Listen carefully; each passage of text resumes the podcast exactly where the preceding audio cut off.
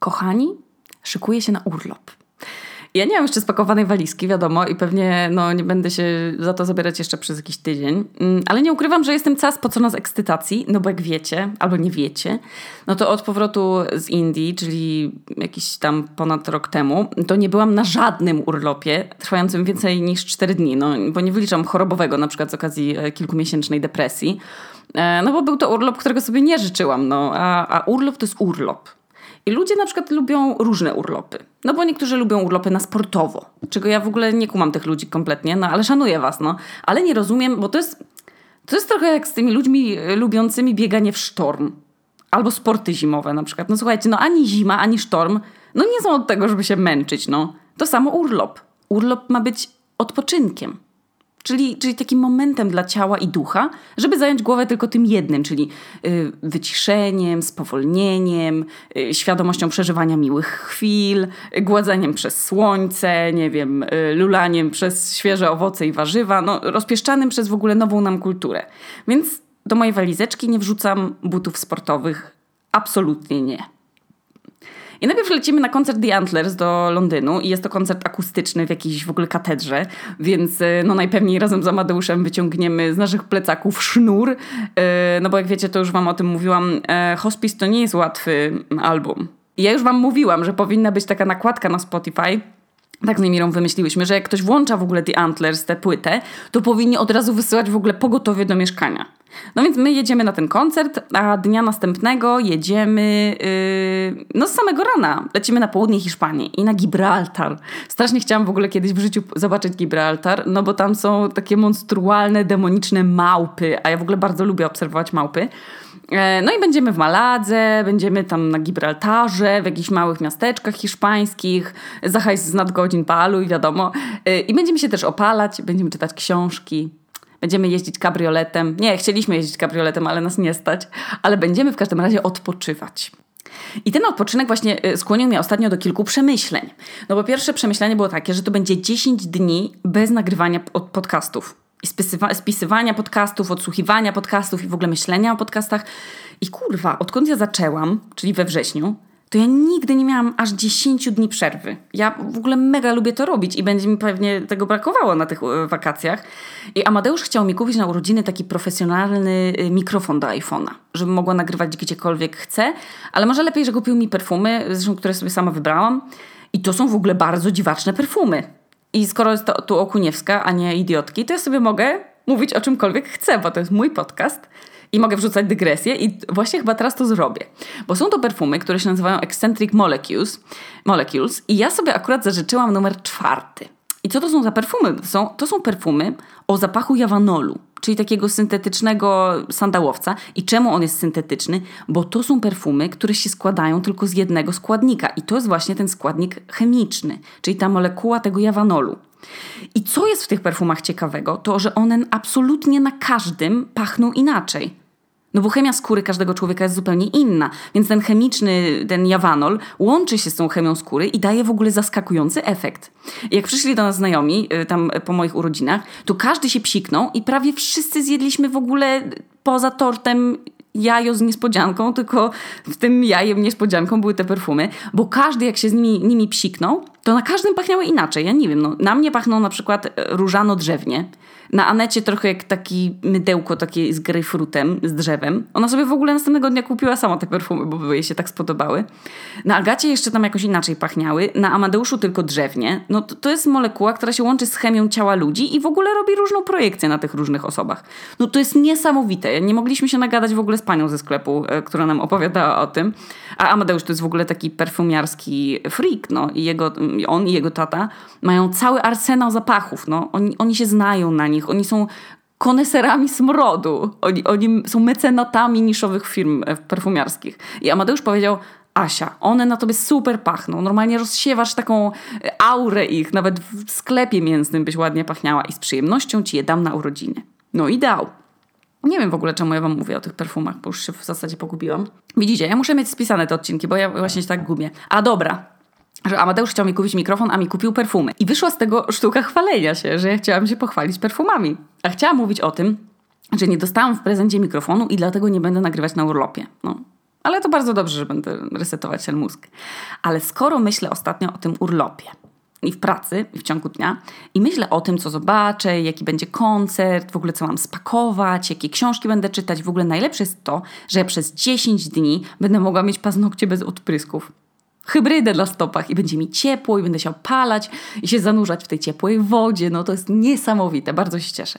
Ale moje myśli zaczęły też krążyć w ogóle w zupełnie dziwacznych kierunkach. I bardzo mnie to zainteresowało i właśnie dziś Wam o tym opowiem i sobie też za 30 lat.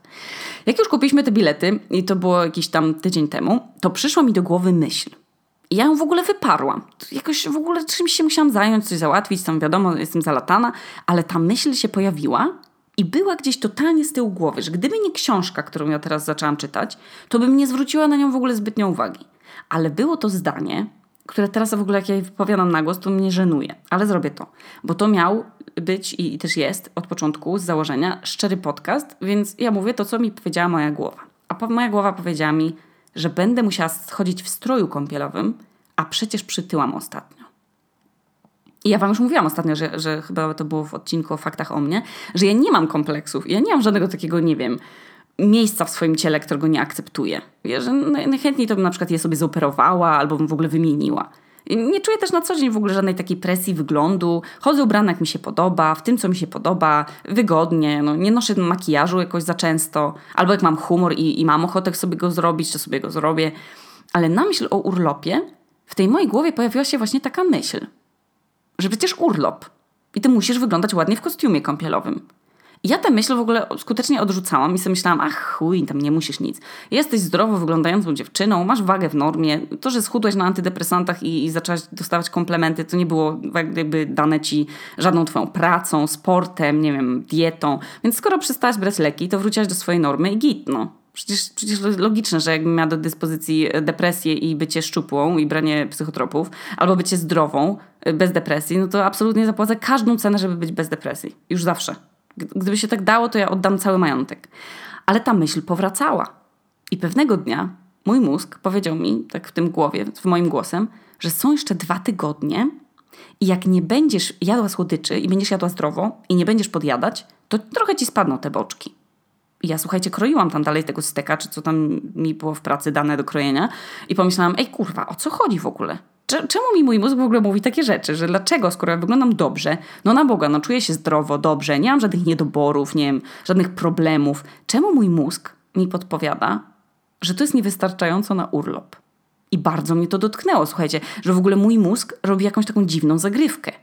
I sobie zadałam pytanie, skąd ona się wzięła, z jakiego w ogóle zakamarka mojej głowy wychodzą takie myśli, że, że ja mam pić kurwa soki same, bo, bo, bo mam urlop. Albo że mam sobie odmówić cukierka, bo urlop. Ja nie, nie, nie kumam tego, nie mogłam tego jakby zrozumieć. I tak sobie żyłam, wiecie, kilka dni, w ogóle zbywając te myśli, ale podświadomie zaczęłam się do nich stosować. W sensie, że jadłam wegańsko, starałam się ograniczać cukier, jeść dużo warzyw, owoce też, mimo tego, że ma, mają cukier, no ale na Boga, no są, są zdrowe. I myślałam sobie, no zajebiście. Chrzanie te myśli o detoksach, głodówkach tam o chodzeniu biegać sześć razy dziennie. Mam wystarczająco dużo ruchów w ogóle w weekend w pracy, no i jem to, co mam ochotę i, i mięsa nie jadam i wszystko okej. Okay. Ale wtem przyszła kolejna myśl. I z tamtymi sobie dawałam radę i tam je skopywałam gdzieś w ogóle w otchłanie mojego mózgu. No bo serio, mam ważniejsze problemy niż się przejmowanie tym, że mi, nie wiem, przybyło dwa centymetry w biodrach. No. Nie muszę przez to wymieniać garderoby, nie wiem, nikogo tym nie krzywdzę. Nie trafiam przecież na, nie wiem, jakiś oddział zmniejszania żołądka. Ale pojawiła się myśl o glutenie. Kurwa, ten to jest demon. Opowiem wam taką krótką bajkę, że były sobie kiedyś trzy panie. Może dwie panie pani bułeczka i pani bagietka i był pan makaron. No i panie się tam świetnie ze sobą dogadywały i wręcz się kleiły do siebie i pani bagietka dumnie chrupała, kiedy ta pani bułeczka czekała na swoją kolej. I pani bułeczka się nie mogła doczekać, aż spotka się ze swoim adoratorem, panem masłem orzechowym. I on miał w ogóle romans jeszcze z panią Nutellą. Ale gdzie w tym wszystkim był pan makaron? Pan makaron, tak jak wszystkie te kurwa rzeczy, nie były w moim brzuszku. Bo to były rzeczy, których ja od tygodnia sobie totalnie w ogóle nieświadomie odmawiałam. I w ogóle ja nie miałam świadomości, w sensie, że to może być kwestia też tego, że serio no, w mojej dobie mam jakieś 30 minut dla siebie, żeby się umyć i tam, no wiecie, czasy uprzywilejowania, uprzywilejowania tym wolnym czasem się dla mnie trochę skończyły. No bo wolny czas teraz poświęcam podcastom, bo lubię. Kolejną część e, czasu poświęcam Amadeuszowi, bo, bo go kocham. No i szanuję też e, płacenie czynszu i kupowanie sobie urlopu w Hiszpanii, no wiadomo. Ale odmawiałam sobie tego glutenu. No bo wiedziałam, że no przecież gluten tuczy, od glutenu się tyje. To są węglowodany. A ja przecież nie jestem na masie. Ja przecież mam te dodatkowe dwa centymetry w boczkach jest mi w ogóle, słuchajcie, tak wstyd o tym mówić, że sobie w ogóle nawet nie zdajecie sprawy, bo dla mnie w ogóle gadanie o rzeczach takich próżnych, jest takich fizycznych, jest w ogóle na maksa płytkie. Jak wiecie, mój podcast nie jest o kosmetykach, no, albo o holu mierzymy, albo o mojej, nie wiem, ćwiczeniowej rutynie, bo uważam, że są na świecie ważniejsze rzeczy, no, na przykład, nie wiem, sekwoje, płat czołowy, no ludzie, no to, to są dopiero istotne rzeczy. I dzielę się tym z wami, bo uważam, że to jest ważny temat. I jest to w ogóle dla mnie też taki zaskakujący temat. Bo on wyskoczył z szafy, nie wiadomo kiedy w ogóle. Bo ja, jak już sama mówiłam, na co dzień się nie zastanawiam, no, czy jestem chuda, czy gruba, czy tam, nie wiem, jestem ładna, czy brzydka. I, i w ogóle, no wkurwia mnie ta marszczka, tak? No bo wyglądam przez nią, jakbym chodziła zła.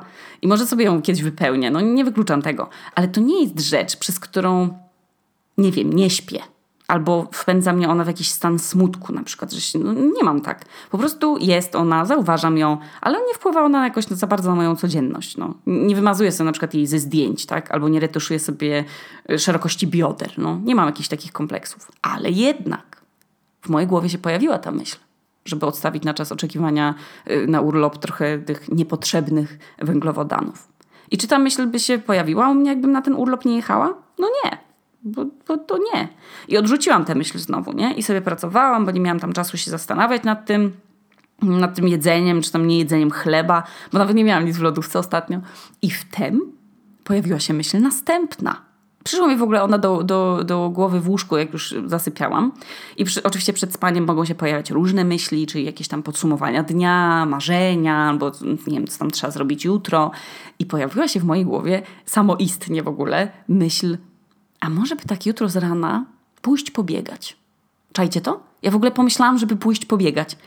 Na Boga, przecież ja pracuję, pracuję na stojąco. Po weekendzie w kuchni mam w ogóle nogi w dupie, no i, i naprawdę, no ja nie mam siły pod koniec dnia stać. A ja się zastanawiam, czy jeszcze przed tą pracą sobie nie dołożyć i nie iść pobiegać. Bo na przykład mogę coś zrzucić w te dwa tygodnie do wakacji. I ja znowu olałam tę myśl, no bo nie jestem masochistką, no oraz też jestem leniwa oraz jest zimno. Ale zaniepokoiło mnie to, że w ogóle ta myśl się u mnie pojawiła. I zamiast pobiegać natomiast, wzięłam się za nową książkę. No i Obamy jakoś w ogóle, słuchajcie, nie mogę skończyć. No, zostało mi chyba jeszcze z, nie wiem, 20%. A ja czytałam ją jeszcze dokładając sobie książkę pod szlachetnym tytułem Psychopatię y, profesora Kępińskiego. Nie czytajcie tego w ogóle. To nie jest łatwa lektura, ani też jakoś szczególnie ciekawa. No więc po skończeniu tych psychopatii chciałam coś lekkiego. I na swoim Kindle znalazłam książkę, którą mi polecało wiele moich znajomych, które uważam za osoby inteligentne, ciekawe, też życiowo mądre, więc uznałam, że ta książka będzie super. I ta książka tuż przed urlopem zrobiła mi dużo dobra. W zasadzie w ogóle utwierdziła mnie tylko w przekonaniu, że ja nie jestem jedyną dziewczyną na świecie, która pomyślała o zrobieniu sobie kilkudniowej przerwy, na przykład w dostarczaniu makaronu, tak? Albo zastąpieniu, zastąpieniu go sokami warzywnymi, no bo chciała wyglądać ładnie na wakacjach. I Obsesja Piękna, bo tak się nazywa ta książka, to trochę taka praca naukowa, trochę reportaż, trochę taki zbiór wywiadów i badań, ale przede wszystkim to jest książka, która zamyka w sobie tematy ciała i związanych z nim uzależnień. Ja zawsze wiedziałam, że tak za bardzo myślimy o własnym wyglądzie, że ludzie mają różne ciała i nawet przecież w, w odcinku y, podcastu Odkrywanie mówiłam o tym, że dopiero na islandzkim basenie poczułam się taka wolna od kompleksów, że jak na festiwalu kształtów i kolorów. Ja pamiętam ten moment, kiedy pierwszy raz się mm, poszłam myć nago wśród tych wszystkich kobiet i tych dziewczynek i dziewczyn i poczułam się super. No bo każda z nich była inna i każda z nich w ogóle bez wstydu chodziła na golasa i skoro one chodziły bez wstydu, no to ja też się wyzbyłam mojego wstydu wynikającego ze strachu przed oceną. No bo to jest właśnie wstyd, no, strach przed oceną innych. I jakby to są te rzeczy, o których my wiemy, tak? No bo my wiemy, że jest problem z tym, że są ciała modelek retuszowane, wiemy, że istnieje jakiś tam ideał piękna wykształtowany przez internet i, i kulturę i przemysł modowy. I my wiemy, że ten model się zmienia bez przerwy. I jako osoby inteligentne, a za takie nas kochani uważam, i takie pełne świadomości tego, że media i Instagram promują jakiś tam sztuczny, sfotoshopowany świat, no, no chuj to daje. Ja się nadal zastanawiam, co ja mam zrobić, żeby na urlopie mieć, wiecie, brzuch płaski jak ma fashion. Jak ja oglądam stare filmy, to od nowych produkcji odróżniają je na przykład brwi aktorek. My mamy manię brwi. Kleopatra też miała manię brwi, czy tam oczu. Potem rwałyśmy brwi na cienko. Potem już był spokój z brwiami. A teraz trzeba sobie zagęszczać je rozczesywać, naciągać. To jest w ogóle absurdalne z tymi brwiami. Młode Islandki, to już w ogóle one oszalały. Serio. One mają jasne buzie, jasne włosy i se robią te brwi takie gigantyczne. Nie przesadzam. One je pogrubiają na jeden centymetr szerokości w każdym miejscu. One się nawet nigdzie nie zwężają, te brwi. Albo rzęsy. Przecież rzęsy też są teraz monstrualne. Są doklejane, a teraz jeszcze zagęszczane i wydłużane. Przecież nawet istnieje coś takiego jak laminowanie rzęs. Liftingowanie rzęs. No przecież ochujeć można. Jak się ma rzadkie rzęsy, to sobie można na przykład używać odżywek. Jak się ma za krótkie, to można wydłużać. Co się chce. I ja wiem, i no my wszyscy wiemy, że kiedyś, nie wiem, miałam 13 lat chyba, to Kate Moss, królowa ówczesnego modelingu, miała chudą dupę. I czy ona miała tę chudą dupę naturalnie? No trochę tak, ale też niestety nie. No bo ta królowa modelingu musiała wciągać kre kreski koksu. Musiała się głodzić. Wszystko po to, żeby być tą królową modelingu. I ja pamiętam, że jak miałam 13 lat, to mi się wydawało, że, była, że jestem gruba. Bo miałam bardzo szczupłe koleżanki i wychowywano mnie w ogóle w domu, w którym ja nie czułam, że moje ciało jest problemem. W sensie ja dorastałam raczej w przekonaniu, że, że jestem mądra i zdolna i że mogę robić to, co chcę. Oczywiście dostawałam komplementy, ale nigdy no nie nie spowodowało to jakiegoś takiego przekonania, że, że ta moja powierzchowność jest najważniejsza, a jakoś, nie wiem, talenty są daleko w tyle. No i mówili mi rodzice, że jak chcę być aktorką, to mogę, jak chcę być naukowcem, to, to proszę bardzo. I w ogóle nie miałam żadnych wątpliwości co do własnego ciała, poza tym, że zawsze się wstydziłam włosów na rękach. Bo mam ciemne włosy i, i ciemną oprawę oczu i dla trzynastolatki mieć włosy na rękach jak facet, no to jest to tragedia, no. Więc zaczęłam te włosy golić. I tak już sobie goleję 13 lat, no. Raz jak mi się przypomni. A, a tak naprawdę to już tego nie robię chyba, bo, bo już nie ma to dla mnie jakiegoś znaczenia. Ale jako nastolatka czułam, że moje ciało jest okej, okay, no. Nawet, nawet trochę się z tym nie mogłam doczekać, aż mi urosną cycki na przykład. I poczułam się okej. Okay. Czułam się okej, okay, dopóki któraś z moich koleżanek, nawet chyba wiem która, nie powiedziała nagle, że ona jest gruba i się musi odchudzać. I przypomnę, miałyśmy 13-14 lat i pewnie teraz wszystkie pomyślą, że o chuj, to byłam ja. I pewnie to nie będą one, no bo jak teraz o tym myślę, no to miałam kilka takich koleżanek. No w każdym razie miałyśmy 13 lat. 13. Co powinno się robić, jak się ma 13 lat? W ogóle skumajcie to. 13 lat to jest tak mało, że to jest niesamowite. Że na przykład jakby ktoś mi powiedział, że za 13 lat dostaniesz zajebisty spadek, to ja bym powiedziała super, to już zaraz, no bo 13 lat to jest super mało, no. 13 lat w perspektywie tego, że ja mam teraz 26, a to nadal jest przecież mało, to 13 lat to jest bardzo, bardzo wczesne dzieciństwo tak naprawdę. I ja wtedy, pierwszy raz w życiu, zmierzyłam sobie, pamiętam, miarką krawiecką, taką różową, mojej mamy, udo, talię i biodra. I się zastanawiałam, czy ja jestem gruba? Skoro one są szczupłe, a mówią, że są grube, to czy ja jestem gruba? Oczywiście nie byłam, tak? Ale już wtedy, mając, przypomnę, no 13 lat, ziarno zostało zasiane. I ja wtedy zaczęłam się zastanawiać nad swoim wyglądem. Jak teraz sobie myślę o trzynastolatkach i o tym w ogóle, jakimi komunikatami one są bombardowane, no to mi słabo. Ale wróćmy do książki. Najciekawsza rzecz, jaką w ogóle przeczytałam w tej książce i, i, z czego w ogóle nie zdawałam sobie wcześniej sprawy, jest fakt, że zmierzono i zbadano, że od tego okresu nastoletniego dziewczynki, znaczy zbadano też, że dziewczynki częściej od chłopców, ale chłopcy też, zaczynają myśleć o wielu rzeczach, które w ogóle ich nie powinny interesować że na przykład kiedy chłopcy zaczynają dojrzewać, no to u większości z nich tam rośnie duma ze, z tego zmieniającego się ciała. No bo rosną im włosy wszędzie, poszerzają im się barki, pojawia się zarost, tam głos się zmienia. No widzą, że, że ta zmiana, która następuje jest korzystna. Bo w końcu się stają facetami, tak? Że od dziecka są przecież przygotowywani do tego, że, że mają biegać szybciej, podnosić więcej, tam się nie ma zgaić, tylko działać. I ich ciało jest w, w pewnym sensie no, stworzone do działania, że mówi się przecież chłopcom idź pobiegać, idź pograć w piłkę, bo i chłopców ubiera się wygodnie, bo się utarło, że są energiczni i nieprzewidywalni i nagle się na przykład mogą zachcieć, nie wiem, czołgać, wspinać albo, nie wiem, się rzucać błotem. Więc chłopcy są ubierani wygodnie i idą się bawić i nie muszą się zastanawiać na przykład nad tym, czy, czy nie za bardzo się rozkraczą i nie będzie im widać spod spódniczki majtek. A dziewczynki ubierane są w spódniczki i sukienki. I zawsze mając spódniczkę w ogóle, musiałam uważnie siadać, bo nie wiem, czy pamiętacie, pamiętacie siadanie po turecku? Że w przedszkolu albo w podstawówce trzeba było sobie tak wpychać spódniczkę między nogi, żeby ona tak nie odstawała i żeby chłopcy nie widzieli gaci. Albo szwa od rajstop. Tak było. No nie mówcie, że nie wiecie o jaki sposób siadania chodzi. I pamiętam jakąś okazję. Nie wiem, czy to była jakaś komunia czyjaś, albo jakiś ślub. No nie pamiętam. W każdym razie to nie było jakoś na maksa formalne wydarzenie, ale byłam ubrana w sukienkę i buty lakierki i miałam dwa warkocze i wyglądałam jak kopia lalki. Ale czy mi się to podobało? No nie wiem, no buty stukały, no to byłam dumna, że stukają. Ale pamiętam jak z zazdrością patrzyłam na mojego brata ciotecznego Maćka i innych chłopców, jak biegali po placu zabaw i się wspinali na drabinki. I zajebiście chciałam się z nimi bawić, ale miałam sukienkę i wiedziałam, że nie mogę, no bo będzie mi widać dupę. I zadaję sobie pytanie, z ilu w ogóle zabaw w dzieciństwie ja zrezygnowałam dlatego, że byłam ubrana jak dziewczynka. I, I, że nie miałam na przykład wygodnych jakichś leginsów albo spodni. Że ile razy ja siedziałam niewygodnie, no bo miałam na sobie, nie wiem, niepraktyczne ubranie. Przecież moi rodzice nie ubierali mnie przecież tak w złej wierze, tak? Nigdy w życiu w ogóle moi rodzice nie potraktowali mnie w taki nie wiem, sposób wskazujący na to, że skoro jestem dziewczynką, no to, to, że to jest moje miejsce, nie? I że z tatą przecież ja jeździłam na ryby, strzelałam z łuku, kupował mi Kaczora Donalda, który przecież był w ogóle aseksualną gazetą i był dla wszystkich. I moja mama nigdy mi na przykład nie powiedziała, że czegoś ja nie mogę, bo nie przystoi, albo, albo że nie wypada. Ja biegałam po podwórku w dresach, w ogóle wspinałam się na wierzbę płaczącą, przepiękne drzewo na moim podwórku y, z moją koleżanką Adą. Jeździłam na obozy harcerskie, w ogóle nie będąc harcerką. Ale właśnie, właśnie na takim pierwszym obozie harcerskim, to, ej kurwa, to było w ogóle jedno z najgorszych wspomnień mojego życia i teraz mi właśnie stanęło przed oczami i też trochę jest w temacie. I bo był ratownik i można było się kąpać w jeziorze. No i ubrałam kostium kąpielowy, tam weszłam do wody. Oczywiście nie umiałam pływać, tak? No więc tam się po prostu kładłam na wodzie i, i cieszyłam latem. Nie wiem, ile miałam lat, 11? I kiedy się położyłam na kocu, to myślałam, że mi się coś przyczepiło do pachy, jakieś włókno tam od ręcznika a to były cztery pierwsze włoski pod pachami. Dostałam ataku paniki. W ogóle od razu pomyślałam, że na pewno wszyscy to widzieli i się ze mnie śmieją. Jezu, i to sprawiło, że już nie chciałam iść pływać. Usiadłam na kocu i się tak pamiętam, zakryłam ręcznikiem. I w ogóle pamiętam te chwile super wyraźnie. Ja w ogóle wiem, kto tam ze mną był, gdzie on siedział, jaki kolor miał ten koc, w ogóle kto był ratownikiem.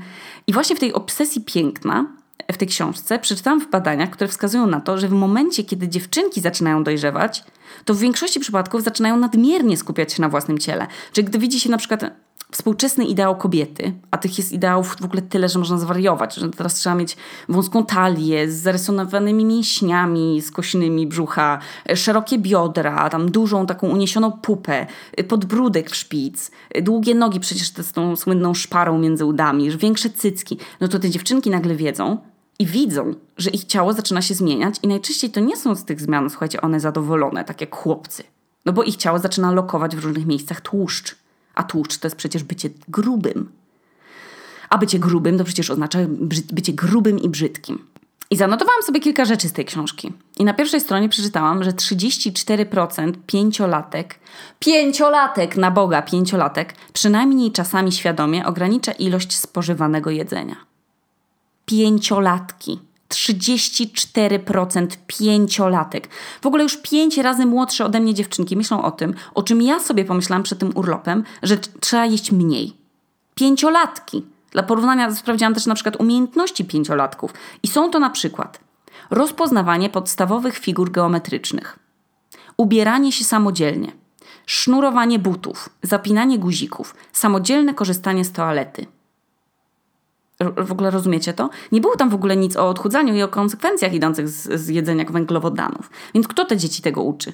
Kto na Boga sprawia, że pięciolatki ograniczają jedzenie? No przecież to jest prawie jedna trzecia pięciolatków. I cytuję. Te dziewczynki dopiero uczą się, jak poruszać się w świecie, ale jednocześnie przejmują się, jak wygląda ich ciało i starają się, by było go jak najmniej. Idąc dalej.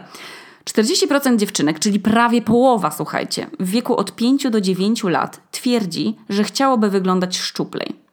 30% trzecioklasistek przyznaje, że bez przerwy martwi się, że będą kiedyś grube. I słuchajcie, one się nie martwią o tym, bo na przykład, nie wiem, kojarzą otyłość z chorobami.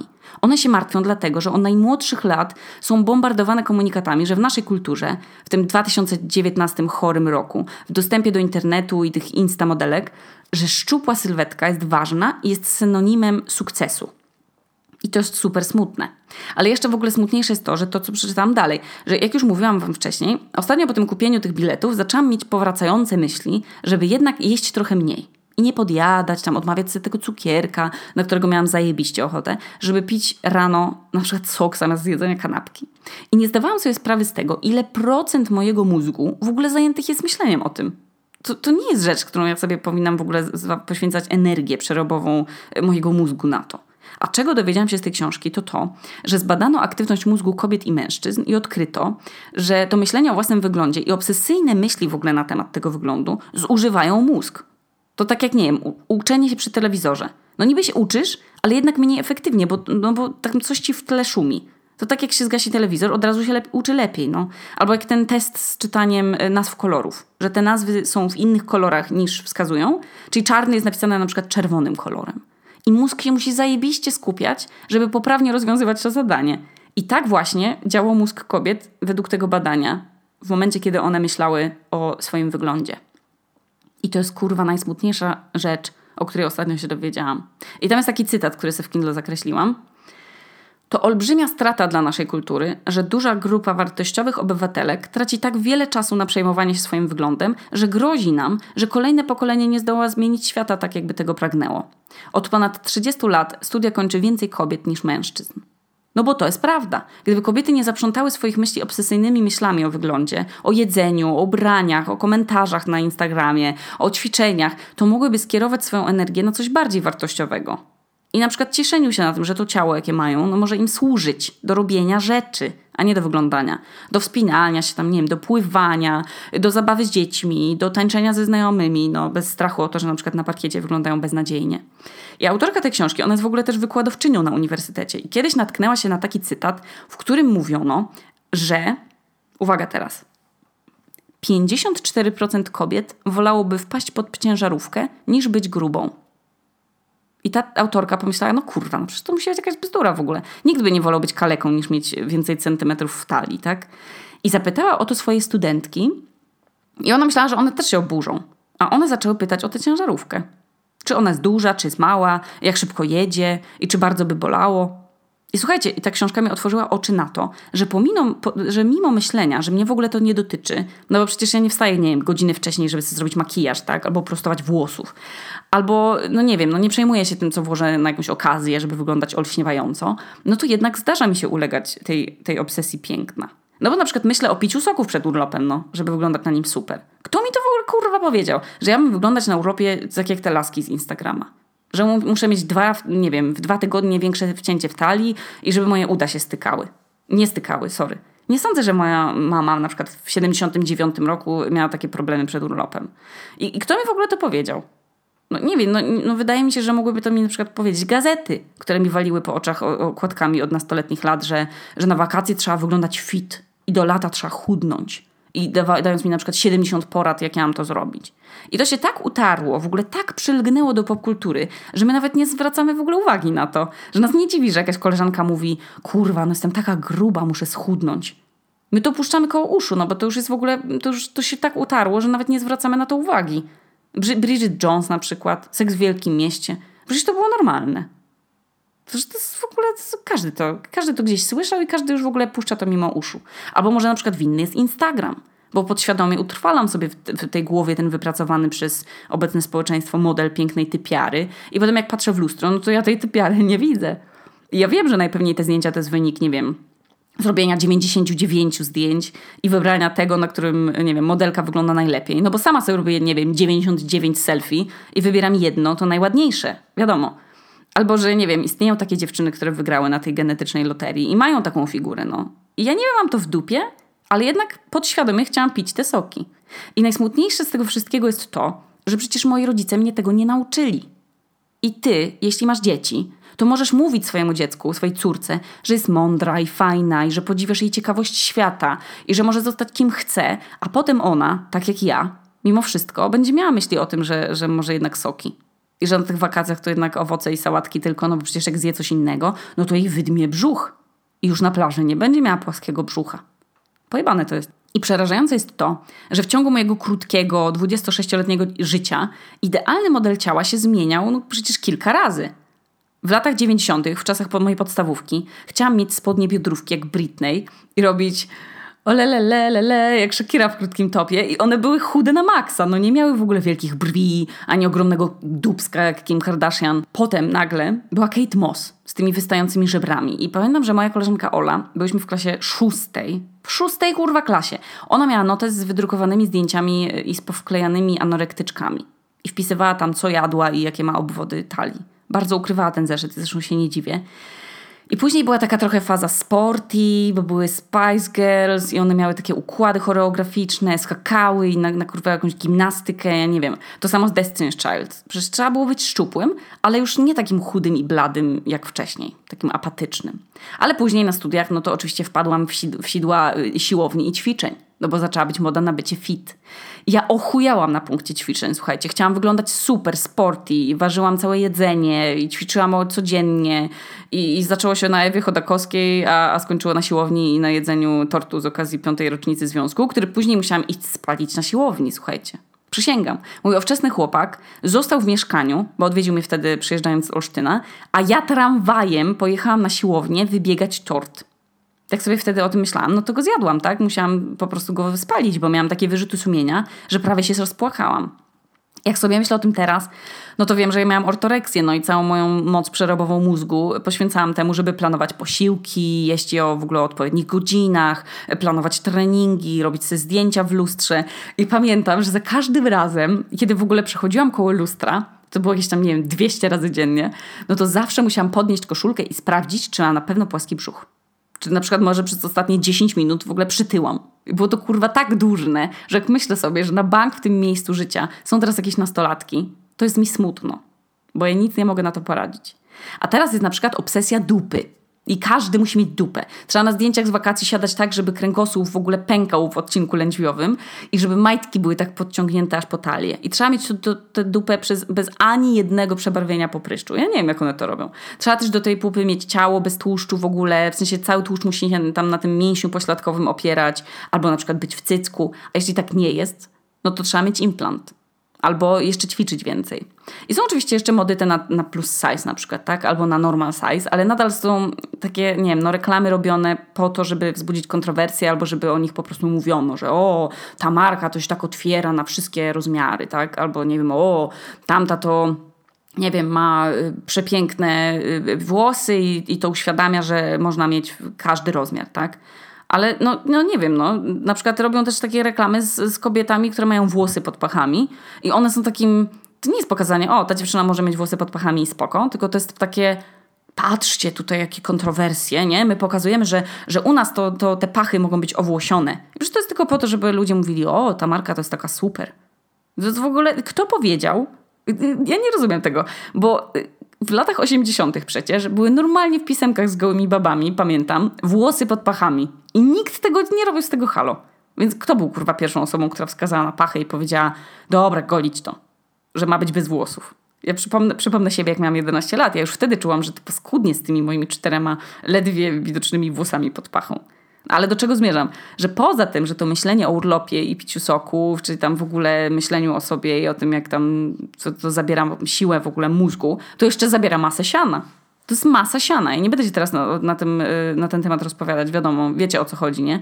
Wypełniacze ust, jakieś kosmetyki drogie, gadżety do masażu, ciuchy, fryzjer, farbowanie, wypełnianie zmarszczek, pazury, depilacja laserowa, depilacja woskiem, y, robienie sobie operacji. No i nie sądzę, żeby to były wydatki kobiet w latach 70. No. Nie sądzę, żeby moja mama, mając 26 lat, tak jak ja, myślała o tym, że na przykład ma lwią zmarszczkę albo że musi unikać glutenu. A ja traktuję moją mamę jako dbór, wzór dbania o siebie i w ogóle poświęcaniu swojego czasu tylko na rzeczy serio ważne, no, albo miłe i rozwijające. I bardzo się cieszę, że moja mama to jest moja mama. Jak myślę o zdjęciach w ogóle mojej mamy z wakacji, to widzę taką zadowoloną z życia studentkę albo cieszącą się wakacjami e, młodą matkę. I moja mama nie ma w ogóle ani jednego zdjęcia na przykład z wygiętymi lędźwiami, z wpiętą pupą i w takich wyciętych majtkach. W ogóle nie ma ani jednego zdjęcia, na którym jest seksualizowana. No. Jest na przykład obiektem, który cieszy oko. Jest po prostu osobą, no, na której twarzy są emocje, a nie na przykład wyćwiczona w jakaś w lustrze mina. Ja taką Jolką bym chciała być na swoich wakacjach. Jak myślę sobie, że my wychowujemy pokolenie, które widzi to wszystko, co, co się widzi na Instagramie i które ma rodziców, którzy pozują na przykład w tych pozach, których zdjęcia z wakacji wyglądają jak te zdjęcia reklamowe ubrań i kosmetyków, to jest mi przykro. I ja chciałabym, żeby to dorastające pokolenie rozwiązywało te problemy i żeby ich rodzinne albumy no, wyglądały tak jak nasze rodzinne albumy. No, że nasze mamy nie robiły sobie nie wiadomo jakich ust i, i nie wyginały się w, na zdjęciach, bo są mamami. I jak słuchacie tego i macie naście lat, to chciałabym wam powiedzieć, korzystając z tego, że ja mam kurwa podcast i już go słuchacie, więc skoro mam waszą uwagę, to chcę wam powiedzieć, że jeśli macie się już buntować, albo chcecie się pewnie buntować, to weźcie się buntujcie przeciwko temu. Wy nie, nie mówcie w ogóle, że musicie coś ze sobą zrobić, bo na przykład idą wakacje. Albo jak wasze koleżanki mówią, że, że muszą schudnąć, to im mówcie, że wcale nie muszą schudnąć, no. Nie przejmujcie się w ogóle bez kitu tym, że, że nie wyglądacie jak inni na Instagramie. I nie mówcie na przykład nic nieproszeni o wyglądzie kole, o koleżanek wyglądzie, no, albo celebrytek. Bo ciało w ogóle nie potrzebuje waszej oceny. I dlatego zdałam sobie sprawę z tego, że chyba nie zależy mi na tej talii osy na wakacjach. I na wypiętym tyłku w tych shortach kusych. No bo od wypinania tego tyłka będzie mnie bolał dół pleców, makijaż spływa, od wciągania brzucha można ochujeć, no bo trzeba o tym cały czas myśleć. I zabierając sobie część mózgu, która się na przykład może skupiać na przyjemności, no. Na, na spędzaniu czasu za Amadeuszem, na poznawaniu no, innej kultury, na czytaniu książek na przykład. I czy na przykład przynajmniej raz wciągnę brzuch do zdjęcia albo, albo obrócę się profilem, w którym najlepiej wyglądam? No oczywiście, że tak, no, no bo ja jeszcze nie wygrałam do końca z tym, z tym procentem mnie ukrytym w mojej głowie, który mi mówi odstaw makaron. Albo mówi, o, też bym chciała takie nogi. Albo skórę bez krostek, albo nie wiem, barak boczków, albo pełniejsze usta. I ja, ja mam nadzieję, że, że ten procent kiedyś zniknie. No bo na Boga, no, chcę się cieszyć młodością, no, a nie wspominać po 60 jakieś wakacje, na których nie jadłam pizzy, bo wciągałam brzuch, żeby mi się żadna fałdka nie wylewała z nad shortów. To, to są moje przemyślenia na dziś. Polecam Wam Obsesję Piękna, bo uważam, że no każdy z nas tam znajdzie coś, co mu odrobinę zmieni ocenę rzeczywistości. I uważam też, że każda kobieta, która ma dzieci, zwłaszcza córki, powinna to przeczytać. Myślę, że to jest, myślę, że to jest ważna książka. No. Więc także idę się przygotować e, do urlopu, robiąc pranie przedwakacyjne, a Was zostawiam z tym bagnem, który zasiałam Wam w głowie. także pozdrawiam Was serdecznie. To Okuniewska z piwniczki w Reykjaviku, a to był odcinek o urlopowym terrorze.